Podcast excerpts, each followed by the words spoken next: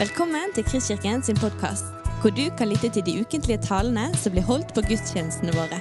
Vi håper denne podkasten vil inspirere og utfordre deg til å kjenne Gud, elske mennesker og tjene vår verden.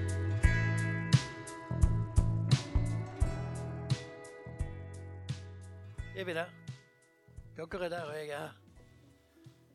Den er ikke dum, skjønner du. Det var det som var meningen. Er ikke den herlig, den salmen som vi var igjennom nå? Jeg bruker den som indremedisin regelmessig. Faktisk fordi at eh, jeg ble så glad av det. Jeg ble så takknemlig av det. Slik at eh, Så får lov å også gi oss å lukke øynene et øyeblikk igjen. Herre, det er du som har kalt meg til dette via Håvard. Du ser hjertene våre, og du ønsker å arbeide med de. Herre Jesus, og du har sagt via din tjener Paulus at eh, vi skal eh, forsvare tro. Slik at vi kan oppmuntre hverandre på veien mot det hellige liv. Takk, Herre Jesus, for at du gir oss disse minuttene for at det skal være hovedsaken. At du skal bli æret, og at vi skal bli styrket på veien mot det evige liv. Halleluja! Vi ber om Den hellige ånd i hjertene våre, og at du kan få til det du hadde tenkt med dette. Så det kan bli ditt navn til ære. I Jesu navn. Amen. Ja, kristen alder 60 til 90. Det var det jeg ble bedt om. Og vi har hatt f.eks. unge Gilje var foran her. Far til duoen. Han uh, snakket jo for dere her for forrige Der er det, ja. Flott. Det der var midt i blinken. Og mitt navn er altså Tor Jakob Mo. Og det vil du få vite mer om etter hvert. Um, vi skal komme tilbake til den tittelen. Den, eh, den, er ikke så eh, annerledes. Den, den, den, har en mening, men vi kommer tilbake til den når vi går mot slutten. Du vet når du tenker 90, sant? går mot slutten. Det får liksom en egen sånn, sånn uh, følelse. Og så er spørsmålet er vi gamle eller er vi unge når vi er 82 og står her og får få lov å bli kalt til å få være sammen med på denne måten. Kun nåde. Det skal vi også komme tilbake til.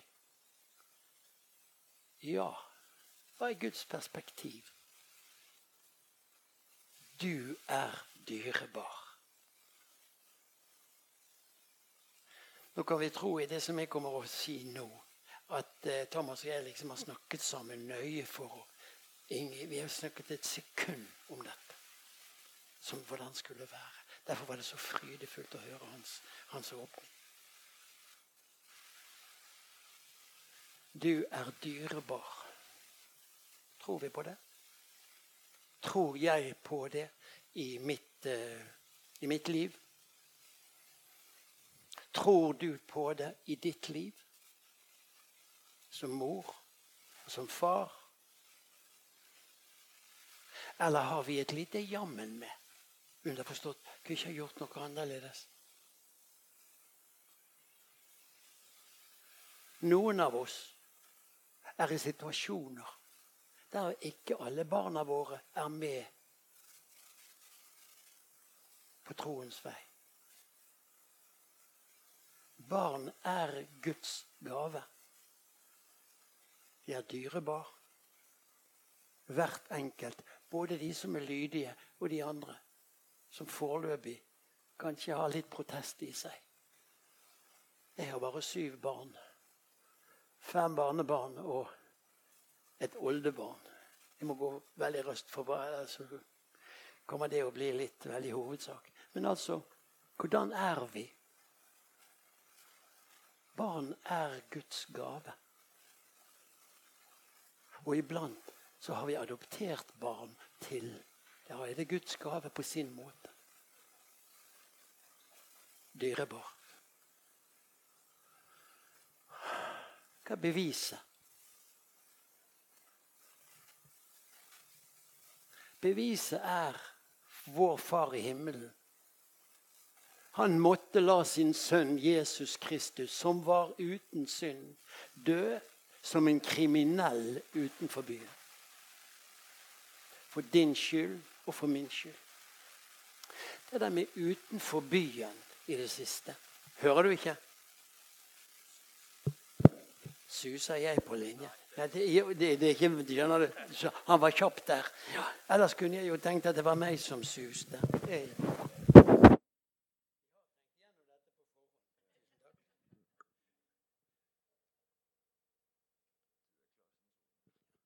Hallo.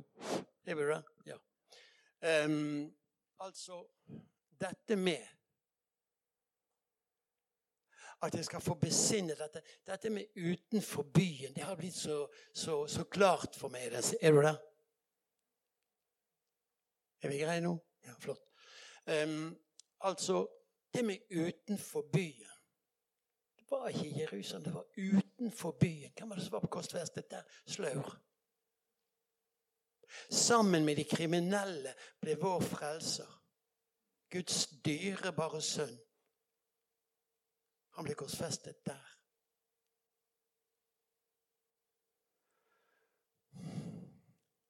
Jeg syns det er så godt å få dvele ved det. For da ble det veldig klart at uh, Går det bakover? Ja. Nemlig at vi er dyrebare. For når den levende Gud Når den levende Gud for vår skyld ofret sin sønn. Utenfor byen blant kriminelle.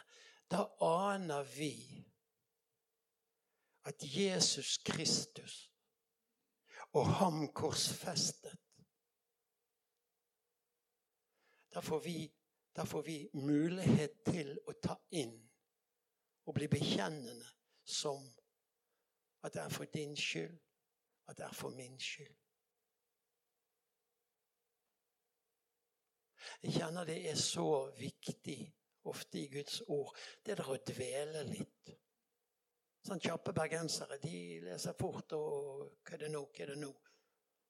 Og så er meningen det at vi skal få lov å ta inn, og ting skal bli dyrebart for oss. Så dyrebart som Kristus var for sin far. Og som da har alle profetene. Koser du deg med profetene? Jeg liker så godt de der småprofetene.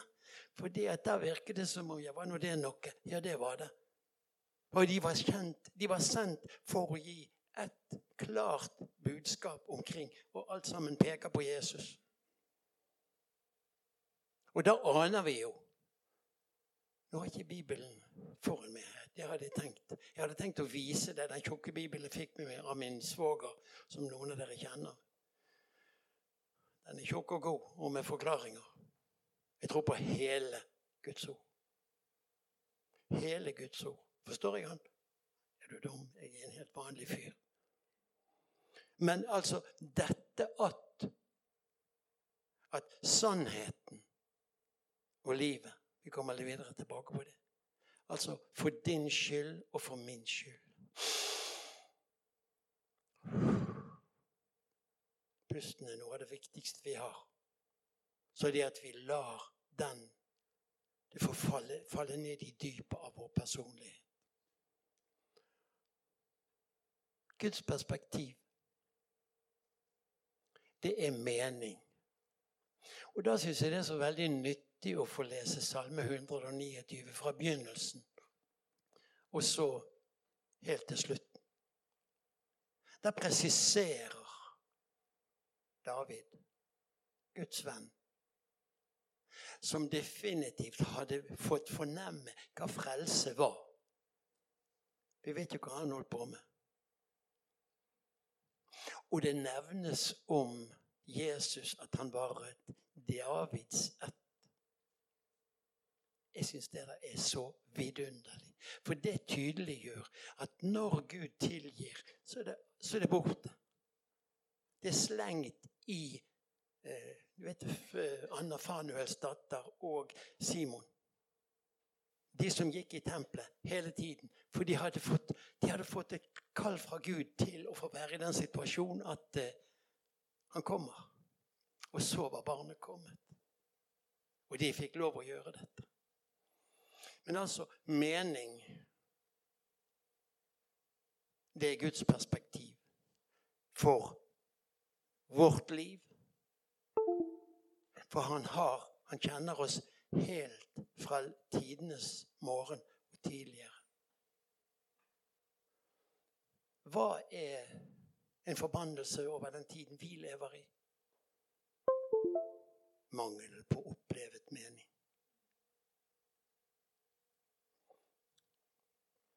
Ravi Sakarias, en indisk mann, han ble tatt hjem til Herren den 19. mai. Han var, han var døende i suicidal atferd, 17 år gammel. Så blir han gitt en bibel. Og blir så et fyrverkeri i vår verden. Mange av dere kjenner sikkert Hvis du går inn på internett og på YouTube, så kan han få opplyse oss og glede oss vår bror. Tydelig. Og noe av det som ble så tydelig, det var mangel på mening i India.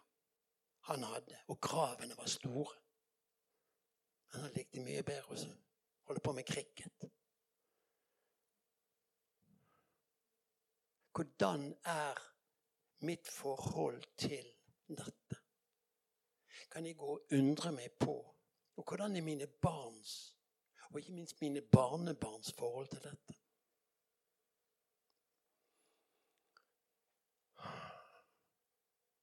Hvordan kan vi formidle opplevet mening som Guds barn frelst av nåde? At det med mening er Vi behøver ikke å stusse på det. I Salme 139 så får vi undervisning så det suser. Og De to siste versene der, 23 og 24. Ransak meg, Gud, og kjenn mitt hjerte.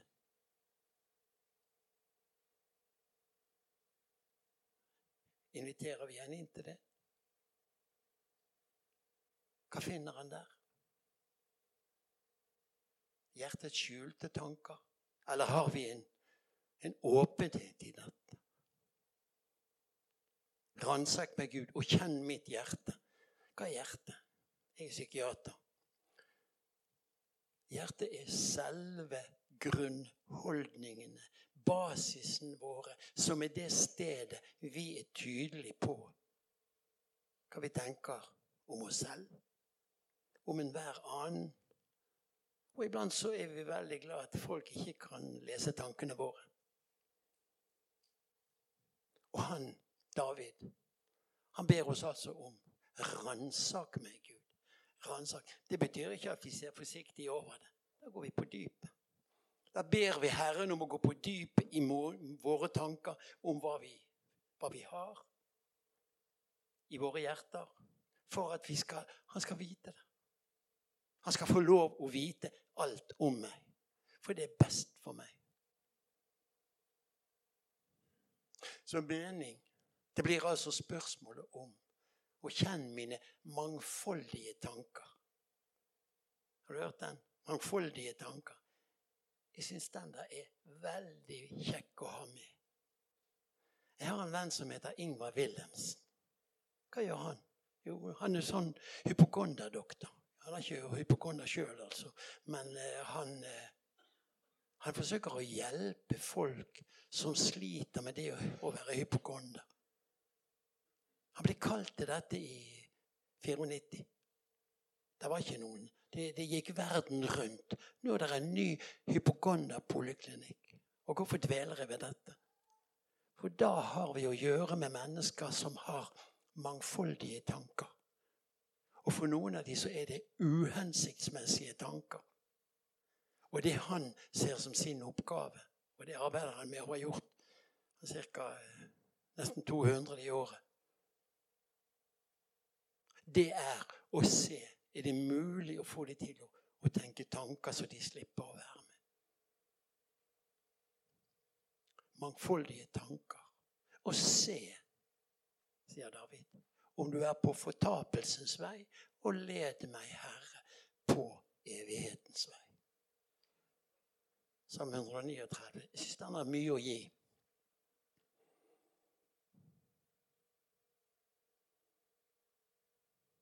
Det er en liten delay, kaller de det på. Der var du, ja. Hvem er Tor Jakob? Jo, det er meg. Jeg er et Guds barn, frelst av nåde, og det som gjør at jeg våger å stå her. Og det er min identitet. Jeg har forskjellige andre identiteter, men dette er den viktigste i mitt liv og det er også den identiteten jeg har når jeg skal møte døden. Og du vet når du snakker 80 90, sant? da er du ikke liksom spesielt begavet hvis du tror at dødsannonsene i all evighet bare vil gjelde andre. Er vi med? Nå leste jeg dødsannonser fra jeg var liten gutt. Men, eh, men altså dette At vi får lov å være forberedt jeg skal si hvorfor det ble forberedt. Eh, jeg våknet en mandag, og så fikk vi en telefon med et spørsmål til meg om, om jeg vennligst kunne Vennligst kunne skrive en dødsattest. Jeg har skrevet mange dødsattester fordi at jeg har arbeidet med eldre mennesker. La oss si på min nåværende egen alder. Og det betyr at regelmessig så døde mennesker og da var jeg ansvarlig lege som måtte kjøre ut på Askøy og skrive dødsattesten. Men det var en stund siden jeg hadde holdt på med dette. Så akkurat denne dagen så var jeg litt undrende. Måtte ringe til folk som var oppdatert på det. Og så fikk jeg hjelp, og så, så reiste jeg da til den familien som ba om dette. Og så satt jeg på stolen og snakket med de. Men i periferblikket mitt, så så jeg den som skulle skrive dødsattest på. En person som jeg hadde kjent godt. Ikke veldig godt, men godt nok. Tidlig bergenser, hvis jeg sier det noe. Og det som da skjer, det er som å gå inn til den som var død. Gjøre de tingene som en doktor gjør overfor den døde for å skrive dødsattesten.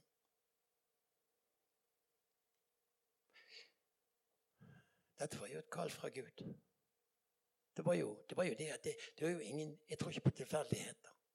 Jesus Kristus og ham korsfestet og tilfeldigheter. Det er gjensidig utelukkende ting i den måten jeg syns det er godt å forholde, forholde meg til virkeligheten på. Så skjedde det at jeg da skrev denne. Og så tenkte jeg hvorfor? Jo, jeg tror at det var fordi at jeg skulle forberede meg. Hva er vår, hva er min mitt forhold til.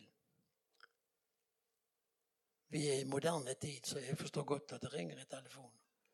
Men det som, det som da skjer, det er at hva gjør, hva gjør de tingene der med meg i mitt daglige? Min påstand er, og jeg har vel litt dekning i psykiatrien for det Når vi, vår angst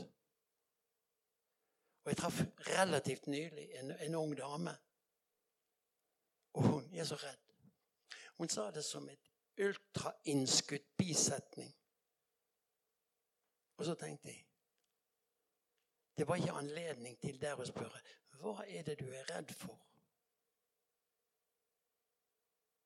Jeg, har, jeg kommer å få posisjon til å samtale om dette på et senere tidspunkt. Men det er spørsmål om hvordan har vi det som Guds barn frelst av nåde, som gjelder for en rekke av dere, i forhold til dette? Skal jeg da egentlig gå rundt og ja, ja, Jesus er jo grei, men hvordan er det med meg og, og troen? Når det kommer til stykket. Og det som er veldig klart, er at det er da troen prøves. Bente Agnete Danielsen var min kollega, psykiater. Hun har datter av Danielsen skole personlig. Hun ble begravet i Birkeland kirke. Hva ledet den og begravelsen til for min del? Da hun ble senket ned i sin åpne grav.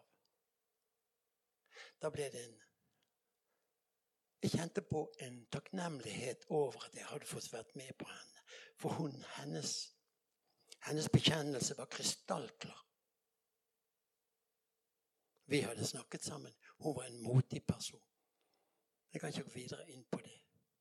Men hva gjør begravelsen? Jeg har jo vært i begravelse når jeg var enda yngre. Og det Da var du jo glad du skulle komme ut derifra. I alle fall var det ikke da din tur.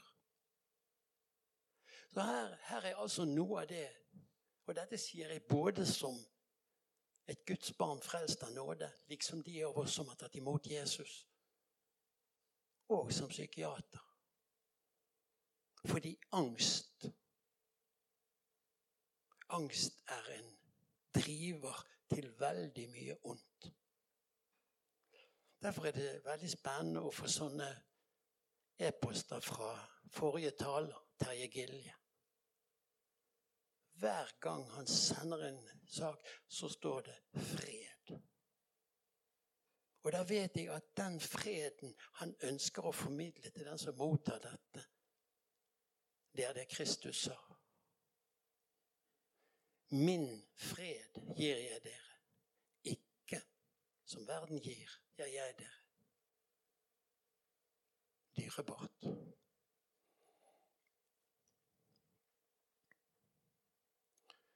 Um, viktige personer for troen i mitt liv.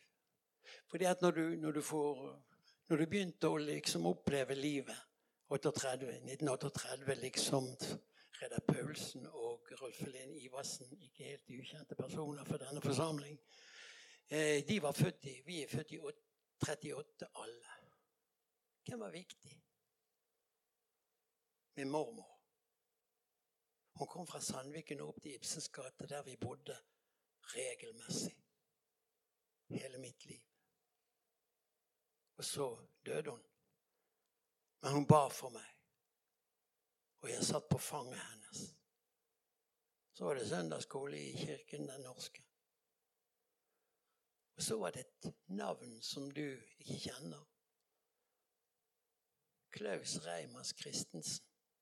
Jo, det var sånn at Kåre Staulen Da hørte jeg om det navnet, kanskje? Biskop i Kristiansand.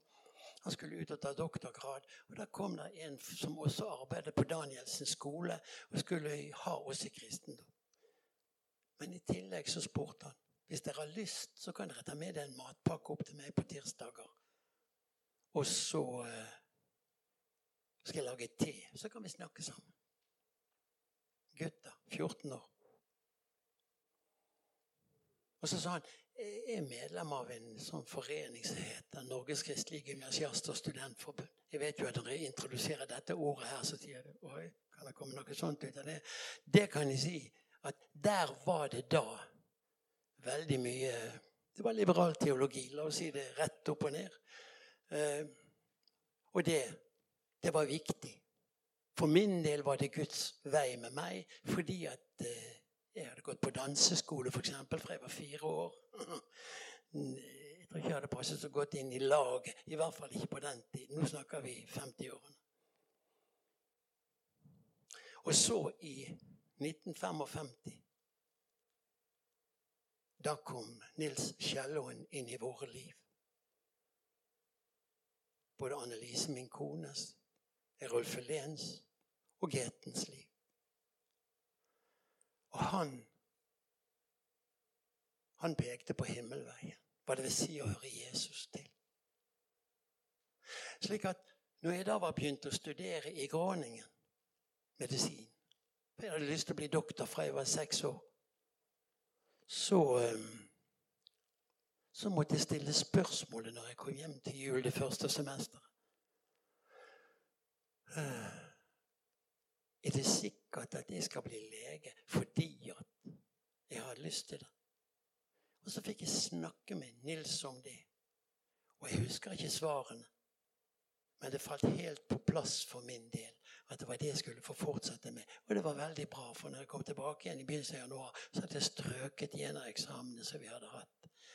Så det var veldig kjekt da å kunne vite hvordan det var å være eh, Ja, at vi var enige om at det var Guds vilje for min del. Og så er det misjonslege Thomas Kessel. Far til han som heldigvis slapp å bli biskop i Stavanger. Håkon Kessel, som jeg kjenner fra han var liten gutt. Misjonslege Thomas Kessel. Jeg snakket med ham på telefon, og så kom vi ned dit. Og hva holdt han på med? Jo, han hadde bibelgrupper. Hver søndag hadde han lagt til rette for at alle vi som ønsket det, fikk lov å være med i bibelgruppe.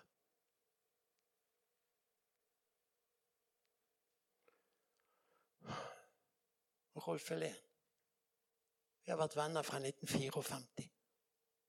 Og etter en stund så ble han min svoger, altså. Det kommer vi tilbake til.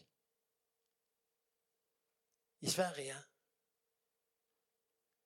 fikk jeg møte Evangeliker Fosterlandsstiftelsen, som ikke sier så veldig mye for de fleste her, men det var et sted der Rosenius hadde vært utgangspunktet for.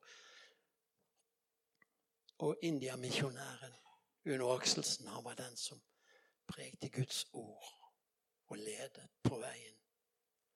Og Så kom vi tilbake igjen til Bergen, og der var Reidar Paulsen. Klar forkynnelse og god humor. Begge deler er viktig. Det er aller først gitt livet sitt i Frikirken og i Kristkirken. Bibelgruppe på 90-tallet hos Terje Gilje. Dyptgående samtaler. En gruppe, en gjeng voksne menn. Der vi fikk dvele ved ordet. Og hver gang vi gikk ned fra dette på Milde, så, så gikk jeg forbi Tarje sin. Det er han med piano. sant? Sitt. Og der står det Død fisk flyter med elven. Flyter med, nei, flyter med strømmen. Da er han relativt ung. Vi fikk dvele ved Guds ord, og det var betydningsfullt. Det er mange andre jeg kunne nevne, men jeg har lyst til å nevne dette en fordi at det er alltid slik at i troslivene våre er det mennesker som har vært i en posisjon der de har berørt oss. Du som er dyrebart frelst, du er i en posisjon der dine berøringer med andre mennesker er avgjørende viktig for noen av deres liv.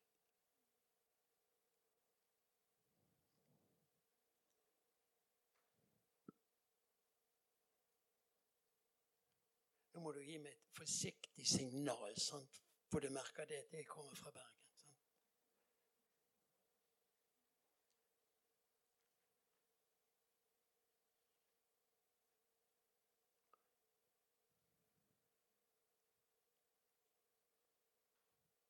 Jeg forsøker så godt jeg kan å trykke på den knappen du har sagt. Jeg er ikke uvant med Der var det, ja. Og hvilken, per, hvilken periode var det vi var på realskole òg? Sorry, nå har vi tabbet oss. Eh, det var jo da fra 52 og til 57. Og hva, hva, slags, hva, slags, tenkning var det som var da? Noen av oss husker det. Nietzsche var en av de virkelig store. Og da slo det til. Gud er død. Hvem er dette? Dette er jo en prestesønn med besteforeldre på begge sider som var Han Hun er jo jøde. Han ble veldig aggressiv. Og han døde jo i, som en person som var i min terminologi da psykotisk. Og Bultmann det var et sånt teologisk navn som jeg aldri Jeg lærte ikke utenat dette.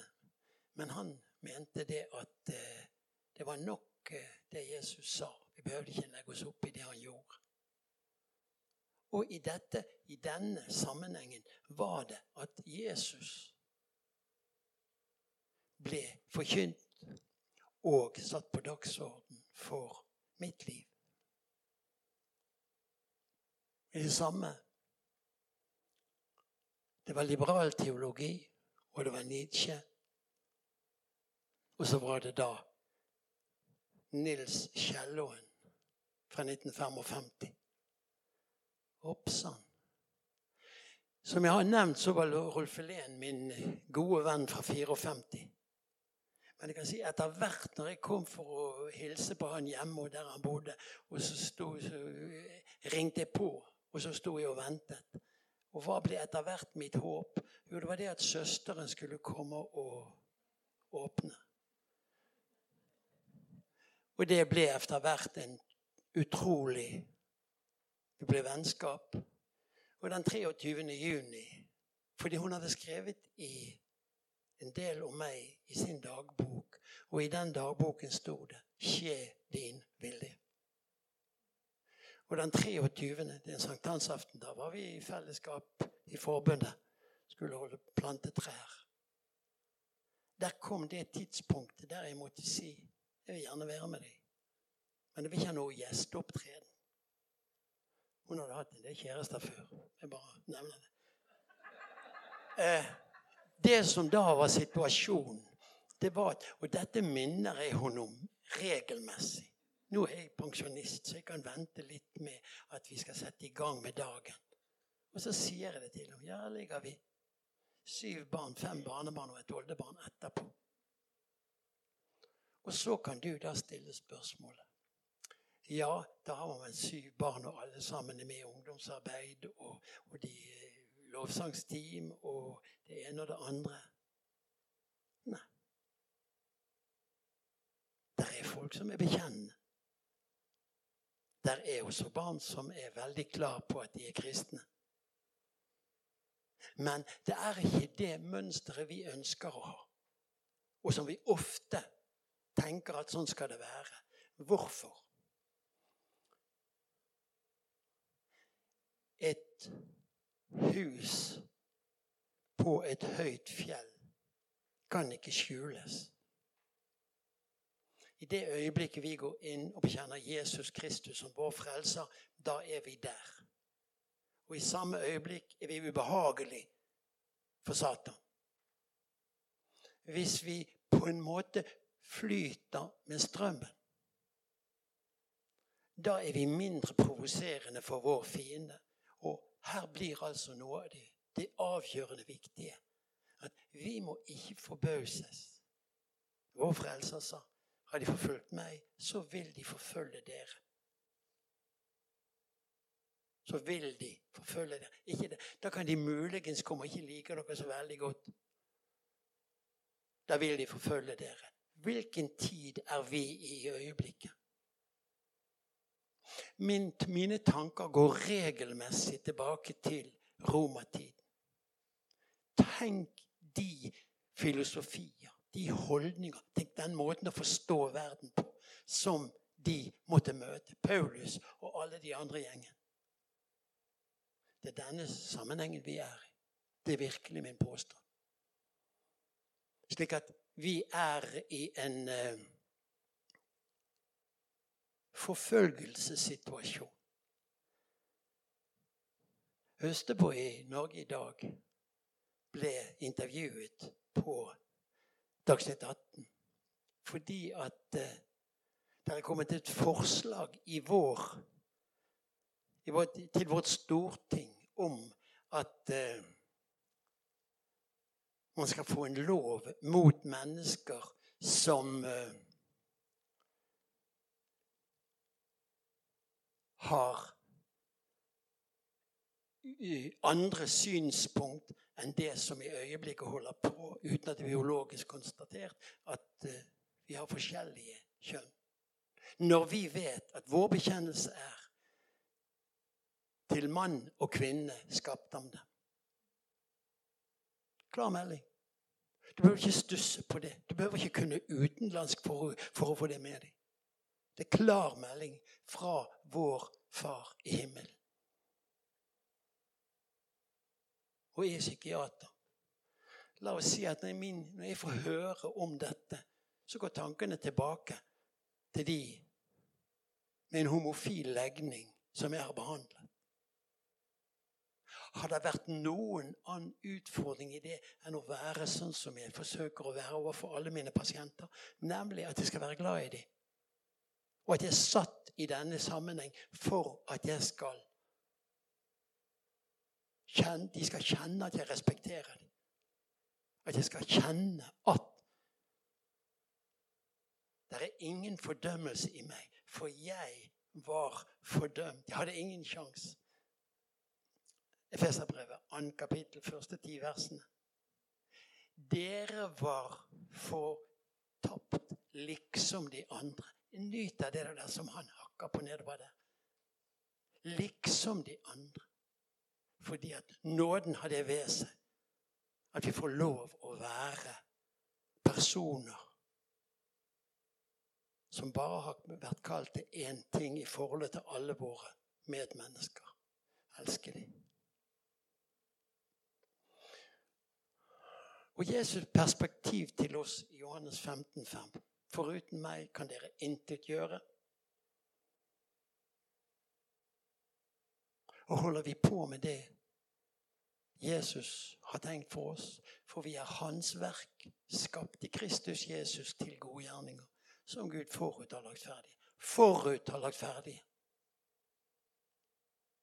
For at vi skulle vandre i det. Jeg elsker det der ordet 'vandre'. Jeg beveger meg relativt raskt, men på innsiden å kunne få kjenne på at vi skal forvandre. jeg syns jeg tilleggsnåde. Nå må ikke du være for grei med meg, sant? sånn at du egentlig syns at nå drar han det litt langt. Kjør på. Det var han sa. Han sier altså 'Jeg er veien, sannheten og livet'.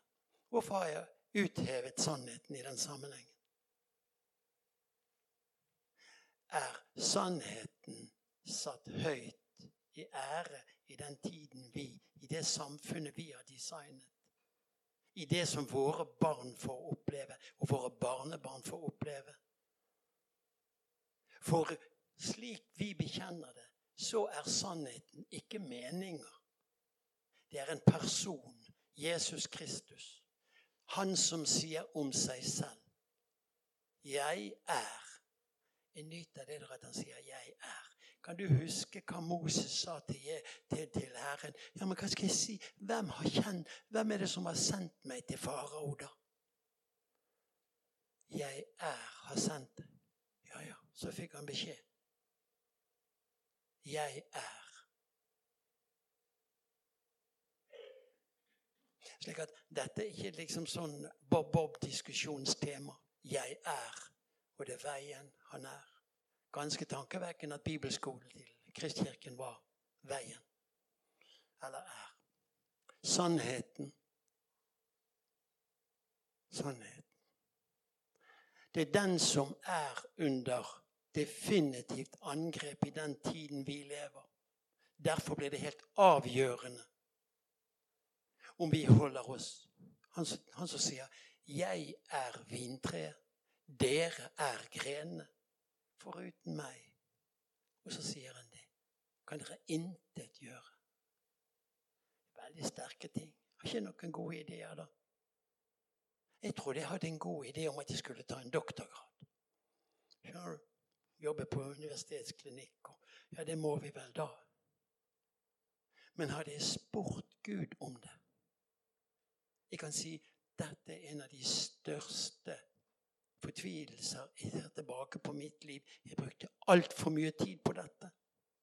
Og jeg hadde ikke fått noen klar melding om eller bekreftet av noen av de som var mine kristne venner, at jeg skulle det. Noen av de syntes nok det var gøy kanskje at han også skulle ta en doktorgrad. Nei. For uten meg kan dere intet gjøre.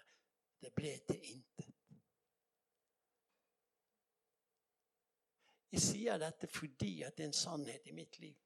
Det er en rekke ting som er sannheter i mitt liv. Dette ble en av dem. Og det har jeg måttet be om tilgivelse for. Jeg har måttet be om tilgivelse hos min kone, som ble berøvet en mann og var altfor mye. En far som var fraværende. For han er livet. Og han er veien. Hva har jeg arbeidet med? Jeg har arbeidet med selvmord, kreft og demens.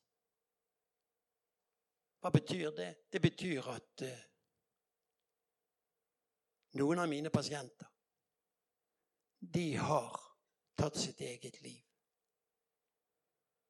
Jeg har arbeidet med noen av de som har mistet noen som har tatt sitt eget liv. Håpet var ute. De bare De, de orket ikke ler. Så jeg arbeidet ganske mye med det. Og jeg vet noe om håp. Hvilken tid lever vi i? Vi hører at selvmordene øker. De går i hvert fall ikke ned. Håpet, vårt håp, som er Jesus Kristus, han blir ikke forkynt på den måten som det trengs. Kreft. Ti år på Radiumhospitalet. Jeg tror jeg var kalt til å være der. Og det å, å få være sammen med mennesker der plutselig Og det kan jeg bare si det at når, når koronaen kom, og alle begynte å snakke om korona på innpust og på utpust, så, så må jeg si at jeg tok det på en litt annen måte. Hvorfor? Det å være iblant de som plutselig kjente seg ikke så helt bra. Og så gikk de da. Nei, vi har nok fått påvist at du har en kreftsykdom. Da betød det at for de menneskene så var livet helt forandret. For de som hadde en sønn som ble funnet i gaten eller funnet i, i vannet, druknet. Eller en far som ble funnet i kjellergangen fordi han hadde hengt seg. Altså, da er livet en tsunami i den familien. Og livet blir helt annerledes etter det, og det glemmes aldri. Og det å være de som skal være rundt og ta, ta vare på, de får en veldig oppgave. Så er det demens. Det at vi er i den posisjonen at vi ikke Jeg snakker ikke for høyt, gjør jeg det? Nei. Um, demens. Det er det at uh, den jeg var, er jeg ikke lenger. Jeg har snakket med mange, og de har gjort stort inntrykk på meg. Fordi jeg har fått lov å følge dem gjennom det som ble deres løp inntil de døde tidligere. Og jeg har fått snakke med de som har vært de fortvilede rundt. Slik at dette med vår opplevelse av kontroll den, den, vi, den kan vi levere inn. Vi har ikke kontroll. For meg er det helt klart, for min del, at uh, verden den ligger i det onde. Den er uten Gud. Når den er uten Gud, så er den uten håp.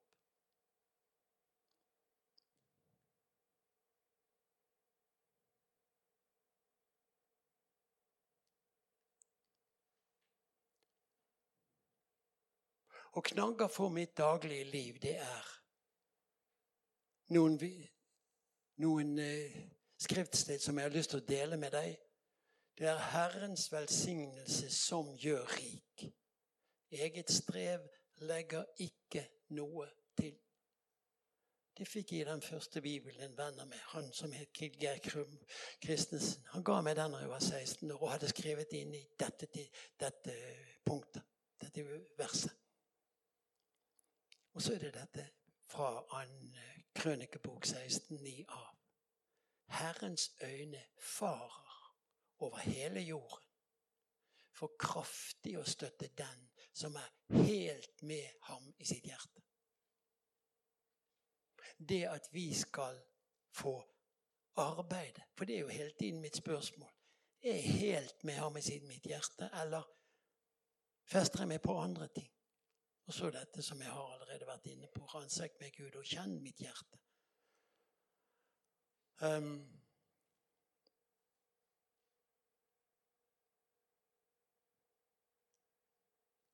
Eh, hvis jeg får lov bare å, å si én ting. Jeg hadde to hendelser som jeg ville dele. Den første det var det at eh, i 2017, like i forbindelse med at jeg fikk lov å dele Guds ord i Kristelkirken, der dere bodde før, der vi bodde før, da var situasjonen den at en venn som het eh, Nils Magnus. Han Ulvik. Kjær kollega. Vi hadde gått en tur tidligere. Og han hadde sagt min far døde ung. Bare litt, litt over 70. Ja, hva tenkte han om det? da? Nei, han var helt tilfreds med det. Så kom jeg og traff han på Haukeland sykehus på parkeringsplassen. og Han skulle til kontroll til kreftlegen sin. Han hadde bestemt meg at nå vil ikke jeg bruke mer tid på cytostatika, cellegift. For jeg får bare ubehag av det. Og så sto vi der, og så samtalte vi om en del evige ting. Og så sa han. Og da Jeg har aldri glemt det, for det var fra Herren. Han sto der foran meg. Det er bare nåde. Det er bare nåde. Dagen etter ble han innlagt på nevrologisk avdeling, og klokken fire morgenen etter så døde han. Et veldig vitnesbyrd. En klarhet i hvor han sto. En veldig hjelp for mitt hjerte. Like etter han eh, hadde, dette hadde skjedd med han, så sa min kone nå roter du. Og Så ble jeg lagt inn der på sofaen i hjemmet vårt, og så ringte hun til en kollega, og han sa at eh, bestill en ambulanse. Og jeg lå der, og jeg snakket jo veldig liksom Gikk på som vanlig, men det var jo bare rot. Så kom jeg inn. Da jeg ligger på selve båren og skal inn i ambulansen, så går lyset. Og så våkner jeg da etter fire timer og spør min kone hva er det som har skjedd. Hva er det som har skjedd? Sånn som vi alltid gjør når vi har fått et epileptisk anfall. Fordi det var en liten bit i mitt hjerne som utløste et epileptisk anfall. Og så fikk jeg lov å komme tilbake igjen. Og så, i 2018 Da var jeg ute og gikk tur på, på ski. Nordmenn gjør jo det av og til. Herlig. Og så begynte plutselig de eh, trærne rundt meg de begynte å bevege seg. Nå går vi hjem. Jeg tror, jeg tror, det er lurt at du går hjem igjen. Nå tenkte legen meg. Og så, eh, når jeg snudde meg, så begynte, fortsatte de å, å, bølge. Og etter hvert så ble jeg litt kvalm. Og så hadde jeg sånn eh, 113 på telefonen, slik at jeg sa jeg tror at jeg trenger å få litt hjelp. Og så forklarte jeg hvor jeg var, dvs. Si de kunne nok se det. Og så var det ikke mer strøm igjen. Så da la jeg meg på skien og forsøkte å padle. Jeg kunne, og så ropte jeg med, med, med ca. hvert tredje minutt, tror jeg det var, 'Hjelp!' Du, vet, da, da, du kan være doktor så mye du vil. Du har intet å slå i bordet med annet enn hjelp. Så plutselig så var det noen som hørte. De kom på en scooter, de hørte det, og så kom de løpende til en skjønn jente i Røde Kors. Og så spurte jeg kan jeg få låne telefonen din. Ja, jeg har den på rumpen, for da holder den varm. Og så ringte jeg til min kone og kunne si de at eh, ja, nå tar de meg til Ullevål. Hvorfor sier jeg dette? Jeg sier det fordi at Jeg må vite, og jeg tror kanskje du kan ha nytte av det. Vi har ikke kontroll. Derfor er det at vi skal få lov å kjenne at eh, vi er dyrebare. Og når Rolf Helen sluttet, ble avtakket i, eh, i Kristkirken og ble intervjuet av Tarjei, da sa han Søk først Guds rike og hans rettferdighet. Så skal dere få dette andre i tillegg. Og det som er hans glede nå, det er å fortelle om. For så har Gud elsket verden. At han ga sin sønn den enbårne for at verden som tror på ham, tar imot ham, skal få evig liv. Derfor mener jeg at nå var min mening for deg det var å, at du skulle forstå hvor dyrebar du er. Skal vi se, Nå har jeg lyst til å gå tilbake helt til slutt, til begynnelsen. Kan vi det? Har du en sjanse? Yes, tusen takk. Gammel eller ung? Når det går menneskelig sett mot slutten for våre liv, da begynner en ny tid. Da begynner det en ny tid som svinger.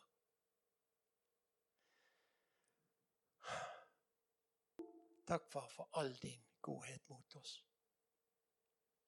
Takk for at vi skal få vite at du er veien, sannheten og livet. Og at vi skal få ha forventning til det du vil gjøre hver dag i den tid du vil ha oss fremover. Alt sammen til ditt navns ære. Amen. Du har lyttet til en podkast fra Kristkirken i Bergen. Vi håper du har blitt inspirert og utfordret i din vandring med Gud. Vil du vite mer om oss, så klikk deg inn på kristkirken.no.